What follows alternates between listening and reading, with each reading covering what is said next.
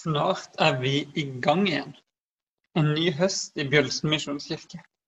Vi skal samles rundt Jesus i lovsang. Vi skal høre fra Bibelen. Vi skal få se hverandre. Både på gudstjenester og i små grupper og andre steder. Vi skal samles, og så skal vi sendes ut i hverdagen for å bety en forskjell for byen vår, for arbeidsplassen vår, for nabolaget vårt. Og vi skal få lov til å bety en forskjell ved å følge Jesus, ved å peke på Jesus der vi er. Snart er vi i gang igjen. 16. august braker det løs med høstens første gudstjeneste. Bare husk å melde deg på. Vi har begrensa antall plasser nå pga. smittevern og sånn, men, men altså, snart er vi i gang igjen.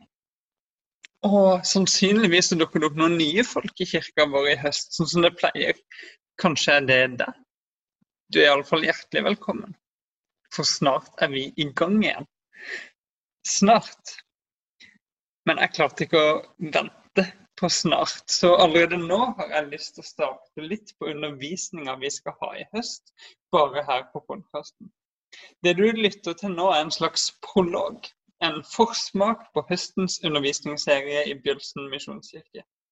Jeg heter forresten Eirik Soldal og er pastor i menigheten. Og jeg og flere andre med meg skal i månedene som kommer, ta deg med gjennom den boka i Bibelen som forteller historien om de aller første kristne. Boka kalles vanligvis for Apostlenes gjerninger. Men om det er et passende navn eller ikke, det skal vi komme tilbake til. Vi lever nå i en tid der det på mange måter er rart å være i kirke. Og derfor skal vi bruke høsten på å lese om den første kirka. Så kan de historiene vi leser, fungere som et speil for oss, sånn at vi ved å se på bibeltekstene kan reflektere over hvordan vi er kirke i dag. I en annen tid, med andre utfordringer, i en annen kultur, men med samme person i sentrum. Jesus. Jeg har lyst til å be en bønn før jeg begynner å lese de første linjene i apostlenes gjerninger, og så får vi se hvor vi går derfra. Jesus, du står foran oss. Du er bak oss. Du er på vår høyre side, du er på vår venstre side.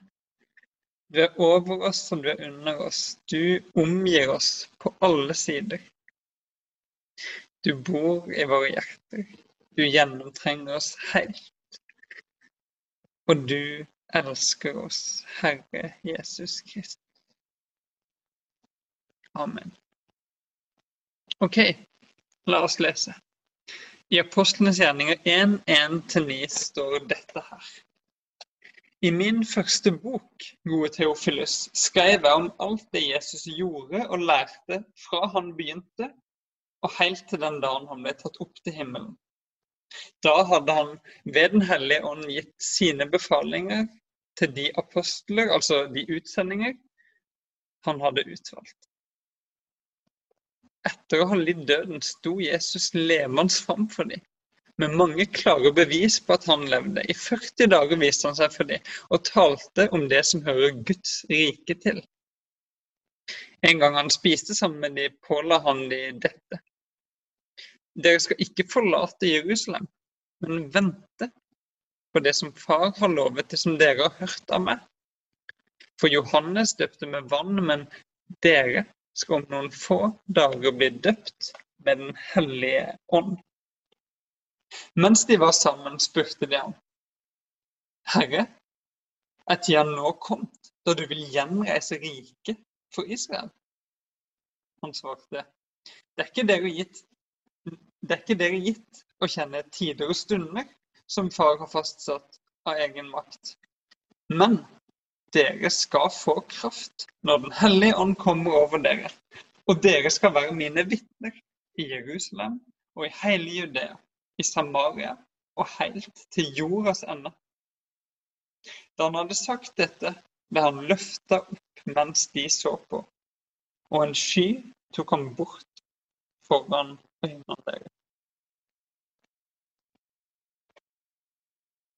Og der sto de, altså. elleve disipler som hadde gått sammen med Jesus i tre år, som hadde sett han dø på et kors, og som hadde opplevd at han overvant døden sto opp igjen. At han åpna døra inn til evig liv for alle mennesker som ville følge etter.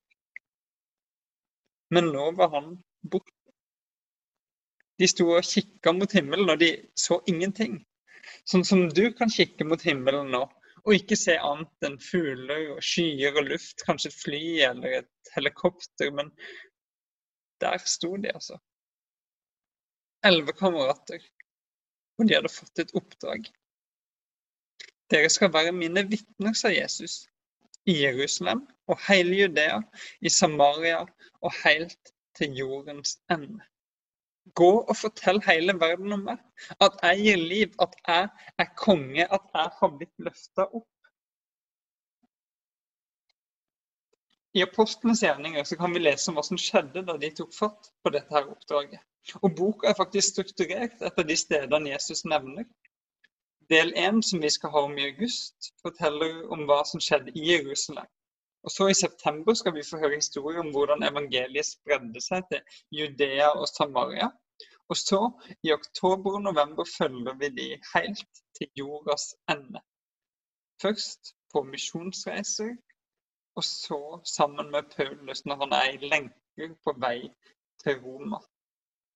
Dette er historien om hvordan evangeliet om Jesus på den tida dekka det de kjente til av den siviliserte verden. Det kalles apostlenes gjerninger. Dette er boka om apostlene. Om de menneskene som Jesus sendte ut, om alt de gjorde. Og det er en ganske heftig bok. En bok som for noen er veldig inspirerende. Å, sånn vil jeg også leve! Dette vil jeg ha mer av i mitt liv.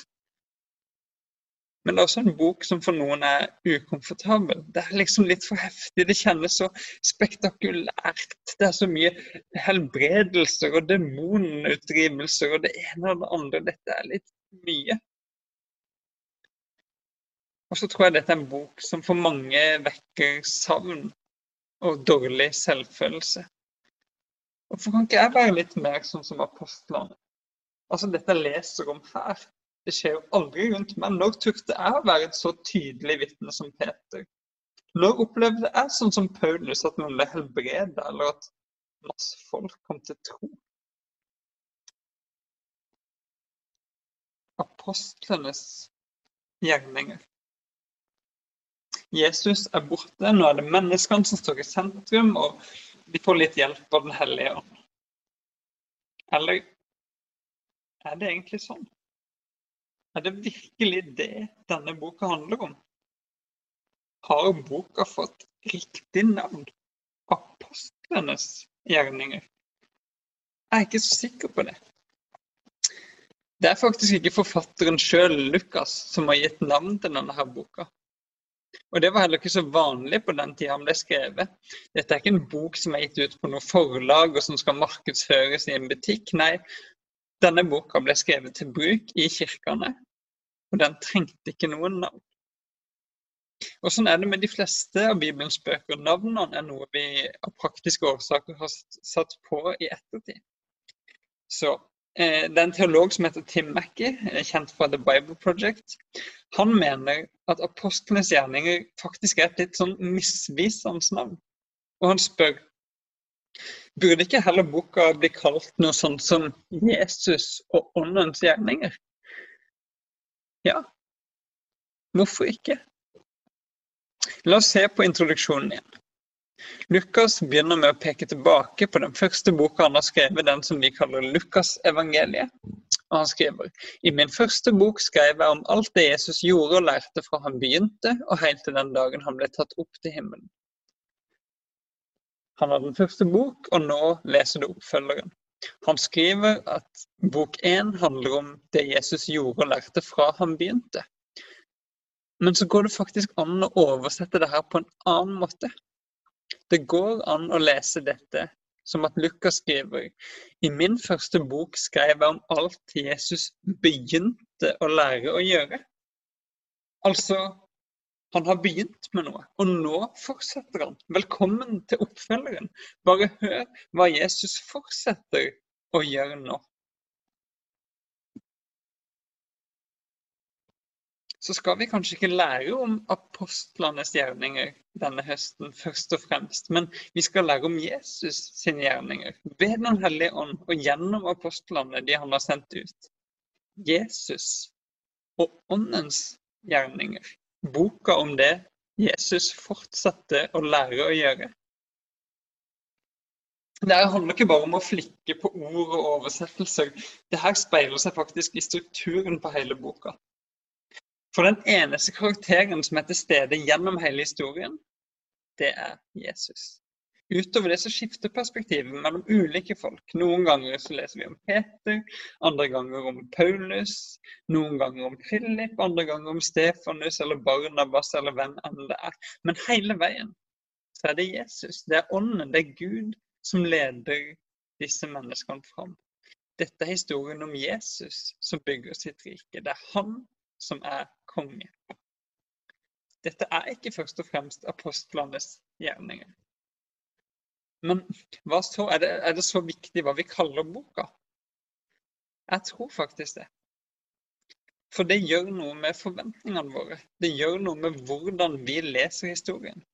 For hvis vi setter menneskene, apostlene, disiplene i sentrum, så begynner vi så lett å sammenligne oss med de. Åh, jeg skulle vært mer som Peter eller Paulus. De, de er så frimodige, de er så sterke.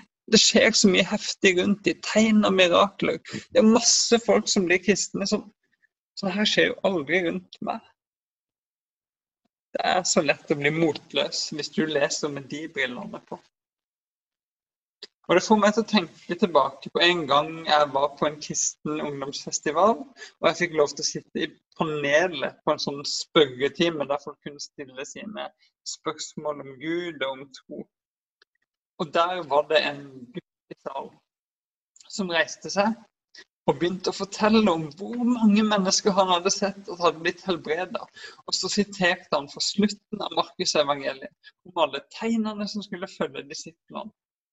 Og han utfordra oss alle til å be for syke, skape rom for mirakler. Og han spurte hvorfor er folk så lite frimodige? Kan dere svare på det? Det ble ganske trykka stemning i rommet, kan du si. Men der i det panelet jeg satt i, så var det en gammel misjonær. Han hadde vært i Afrika i mange år. Og han hadde nok sett flere tegn og under enn de fleste av oss som satt der inne. Men han var ikke så opptatt av det. Så han sa ja, det står riktignok om de tegn og under som skal følge disiplene. Men det står ingenting om at disiplene skal følge etter tegnene. Disiplene de skal følge Jesus. Så får vi se hva som skjer. Jeg syns det var så nydelig. Disipler skal følge Jesus. Vi skal følge Jesus. Jeg vil jo følge Jesus. Vil du? Da må du lese apostlenes gjerninger med de brillene på. Hva viser denne boka meg om Jesus, om hvem han er? Hvor er det han går? Hva er det han interesserer seg for? Hva gjør han? Og hva gjør Ånden gjennom de menneskene han sender ut? Dette her er en bok om Jesus, ikke først og fremst om oss. Jeg har lyst til å ta deg med til en historie fra boka som viser oss nettopp det. I tredje kapittel av Apostelens gjerninger kan du lese om en lam mann som ble helbredet. Da Peter sa i Jesu Kristi Nasareens navn, reis deg og gå. Mannen sprått opp på beina, og det ble selvfølgelig masse oppstyr. Folk stimla rundt Peter og de andre disiplene. Hvordan får dere det her til? Hva slags kraft er det dere har? Men Peter er ikke interessert i den oppmerksomheten. Han sier, israelitter, hvorfor er dere så forundra over dette? Hvorfor stirrer dere på oss som om det var vår egen kraft eller fromhet som gjorde at denne mannen kan gå? Nei, Abrahams og Isaks og Jakobs Gud, våre fedres Gud, har herliggjort sin tjener Jesus. Dere utleverte han og fornekta han for Pilatus, som hadde beslutta å gi han fri. Dere fornekta den hellige og rettferdige og ba om å få løslatt en morder, men livets opphavsmann drepte dere. Han som Gud reiste opp fra de døde. Det er vi vitner om. Med troa på Jesu navn har dette skjedd, for det navnet har gitt styrke til denne mannen som dere både ser og kjenner. Den tro vi får gjennom dette navnet, har gitt mannen full førlighet igjen, slik dere alle kan se. Blikket til Peter er så totalt festa på Jesus. Det er bare Jesus som betyr noe for han og for de andre apostlene. Alt annet kommer i andre rekke. Det er Jesus de vil fortelle om, det er Jesus de er vitne om. Det er Jesus de konsentrerer seg om, ikke seg sjøl. Og jeg tror det er noe av det første og viktigste vi skal lære oss nå på vei inn i apostlenes hjem. Vi må feste blikket på Jesus, ikke på oss sjøl. Og det å feste blikket på Jesus, det kan jo handle om at vi åpner oss mer opp for hva Gud vil gjøre i vår hverdag. At vi må høre litt på han gutten som skapte trykka stemning på ungdomsleir. Vi kan be Gud om at han skal fylle oss med sin hellige ånd. Og han vil gjøre det. Det har Jesus lovt oss. Vi kan prøve å lytte etter hvem det er Gud sender oss til. Hva han har å gi oss, gi, til de gjennom oss. Men vi må bare ikke finne på å løpe ut og prøve å få til alt sjøl. Alene. Som om vi kunne gjøre noe i egen fromhet og kraft. Nei, vi må alltid feste blikket vårt på Jesus. Vi må høre hva han har å si. Og det første han sier, er faktisk ikke 'gå ut'. Det er 'vent'. I dagens tekst sa Jesus disse ordene til sine disipler. Dere skal ikke forlate Jerusalem, men vente på det som far har lovet, det som dere har hørt av meg. For Johannes døpte med vann, men dere skal om noen få dager bli døpt med Den hellige ånd. Jeg lurer på om det her kan være et inspirasjon for oss. At også vi kan vente. At vi kan lytte og be om at Gud skal komme til oss og gi oss kraft. At han skal fylle oss med Den hellige ånd. Og I apostlenes gjerninger så skjer ikke det her bare på pinsedagen den første gangen de fikk ånden. Det er flere ganger ånden kom til dem. Et eksempel er da apostlene Paulus og Barnabas reiste ut på misjonsreise aller første gang. Da var de sammen med en gjeng kristne, ikke for å planlegge, men for å vende blikket mot Gud. Det står en gang mens de feirer gudstjeneste for Herren og fasta, sa Den hellige ånd Ta ut Barnabas og Saulus for meg, så de kan gå til den oppgaven jeg har kalt dem til. Etter faste og bønn la de hendene på dem og lot de reise. Det er altså når de er samla med blikket festa på Gud, og når de blir ledet av Den hellige ånd, at oppdraget de sitter form, at de sendes ut. Kan vi også samles og søke Guds ansikt. Kanskje det er noen i kirka som har lyst til å invitere til en bønnesamling med mye stillhet, der vi bare venter, der vi lytter. Der vi ber om at Ånden som bor i oss, også må fylle oss. Kan vi vente på Guds kraft? Vet du, det gjør vi faktisk hver eneste uke. Når vi samles til gudstjeneste, når vi er sammen, da kommer Gud til oss. Og han sender oss ut igjen. Og det kan se spektakulært ut, eller det kan se ganske vanlig og ordinært ut. Vi sendes ut i hverdagen for å følge Jesus, og så ser vi hva som skjer. Kanskje blir vi da minnet om noen som trenger en oppmuntring. Kanskje kommer du på noen du kan invitere på en kafé. Kanskje det der åpner seg en mulighet for deg til å peke på Jesus. Kanskje resulterer det i et forvandla liv. Kanskje ikke. Vi vet ikke, men vi vet det her. Vi vet at vi er en kirke. At vi samles i Jesu navn, og at han sender oss ut i hverdagen igjen med ny kraft, som vitner om at han som sto opp fra de døde, gir evig liv. Det er oppdraget. Ja, for du vet vel at kirka har et oppdrag? I fjor en gang så fikk jeg besøk av noen femte, sjette og syvende klassinger fra Bjølsen skole til kirka vår. De besøkte ulike trossamfunn i Sagene bydel, og så kom de til oss. Og de ville lære litt om hva vi egentlig gjør her i kirka, hva vi tror på. Og det var ganske spennende, altså. Eh, en ting var at de stilte veldig gode spørsmål. En annen ting var at situasjonen tvang meg til å prøve å forklare ting på en litt enklere og litt annerledes måte. Så jeg spurte de ja, vi kaller oss en misjonskirke. Vet dere hva misjon betyr? Da ble det litt stille. Så jeg spurte mm, er det noen av dere som har sett Mission Impossible? Ja, ja, ja, det har vi! Spesielt noen av guttene ble veldig ivrige da. Men hvis du ikke har sett disse her filmene, så la meg forklare.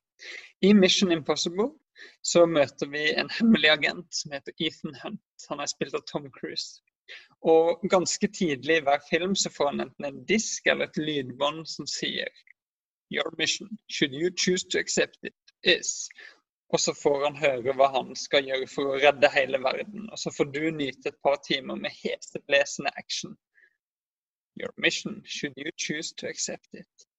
Ditt oppdrag, hvis du velger å ta imot det. Misjon. Det betyr oppdrag, sa jeg til skolebarna. Så misjonskirke, hva er det, da? Jo, det er en kirke med et oppdrag. Kirka, både vår kirke og alle kirker har et oppdrag. Uten dette oppdraget så eksisterer vi ikke. Dette er vår eksistensberettigelse. Ja, jeg sa ikke det vanskelige ordet der til femteklassingene. Eksistensberettigelse. Men, men altså, vi er en kirke. Vi har et oppdrag. Og det oppdraget er det samme som Jesus en gang ga til apostlene sine. Han sa deres oppdrag skulle dere velge å ta imot det, er å være mine vitner. I Jerusalem og hele Judea i Samaria og helt til jordas ende. Og dette er et heftig oppdrag. Dette er et oppdrag som noen ganger kan kjennes litt umulig, litt mission impossible. At hele verden skal lære Gud å kjenne. At hele verden skal finne frelse i Jesus. At alle folkeslag skal gjenkjenne at Jesus er himmelens og jordens konge.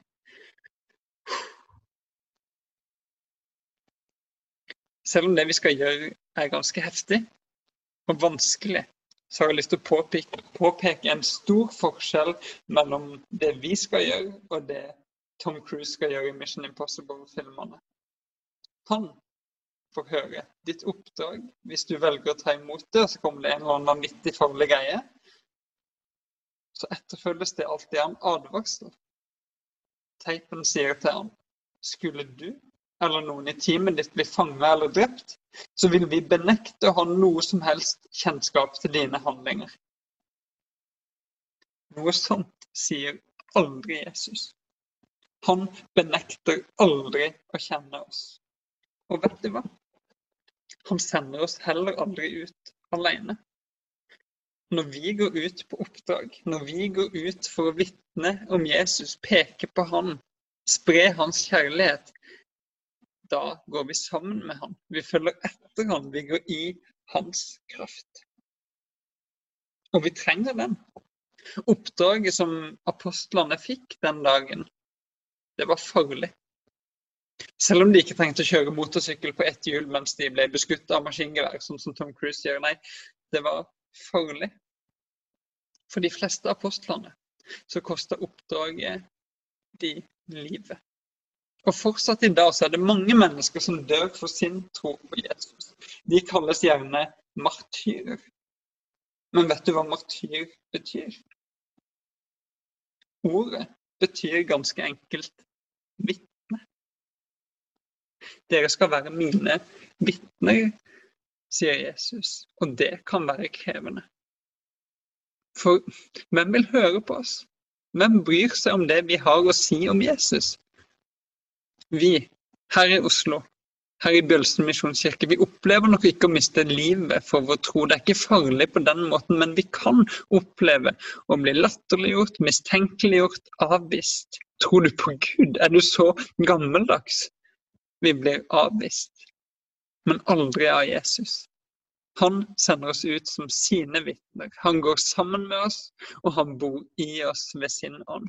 Og skulle vi gå på trynet, skulle det gå dårlig, skulle vi bli spotta og mislikt og latterliggjort, skulle vi si alt det vi prøver å si feil, så vedkjenner han seg våre navn.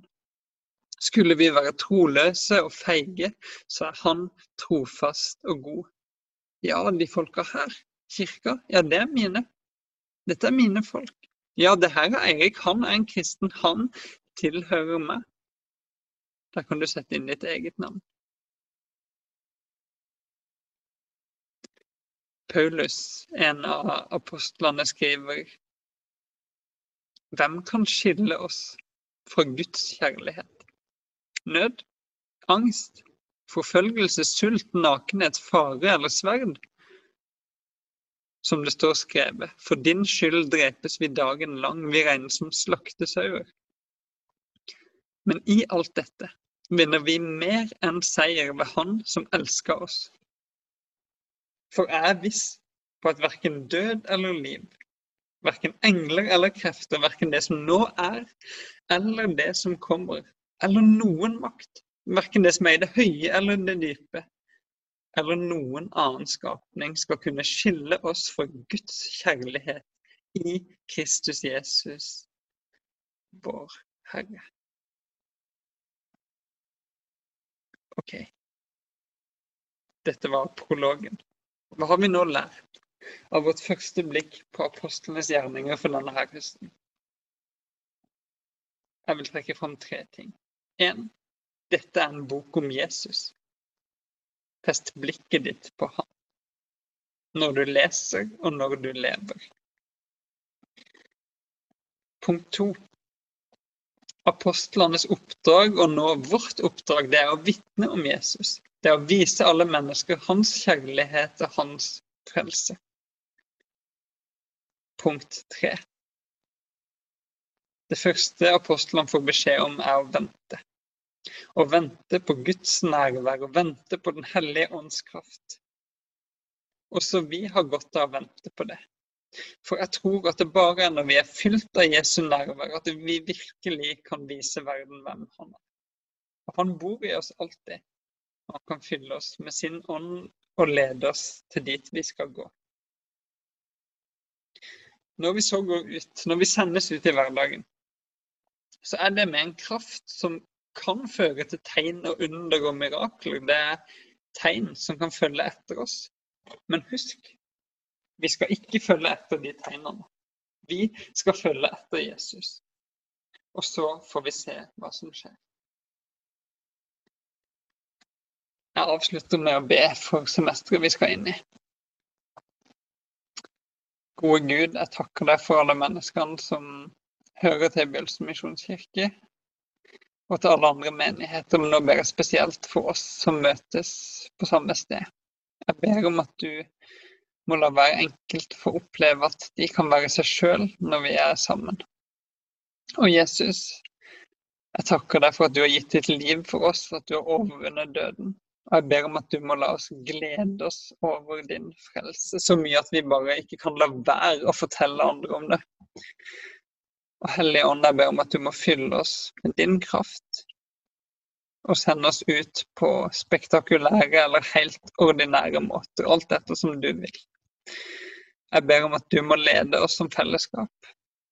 Og jeg ber om at du må hjelpe oss å åpne oss for det du har å gi, til oss og gjennom oss til andre. Snart er vi i gang igjen. Jeg gleder meg til å se dere.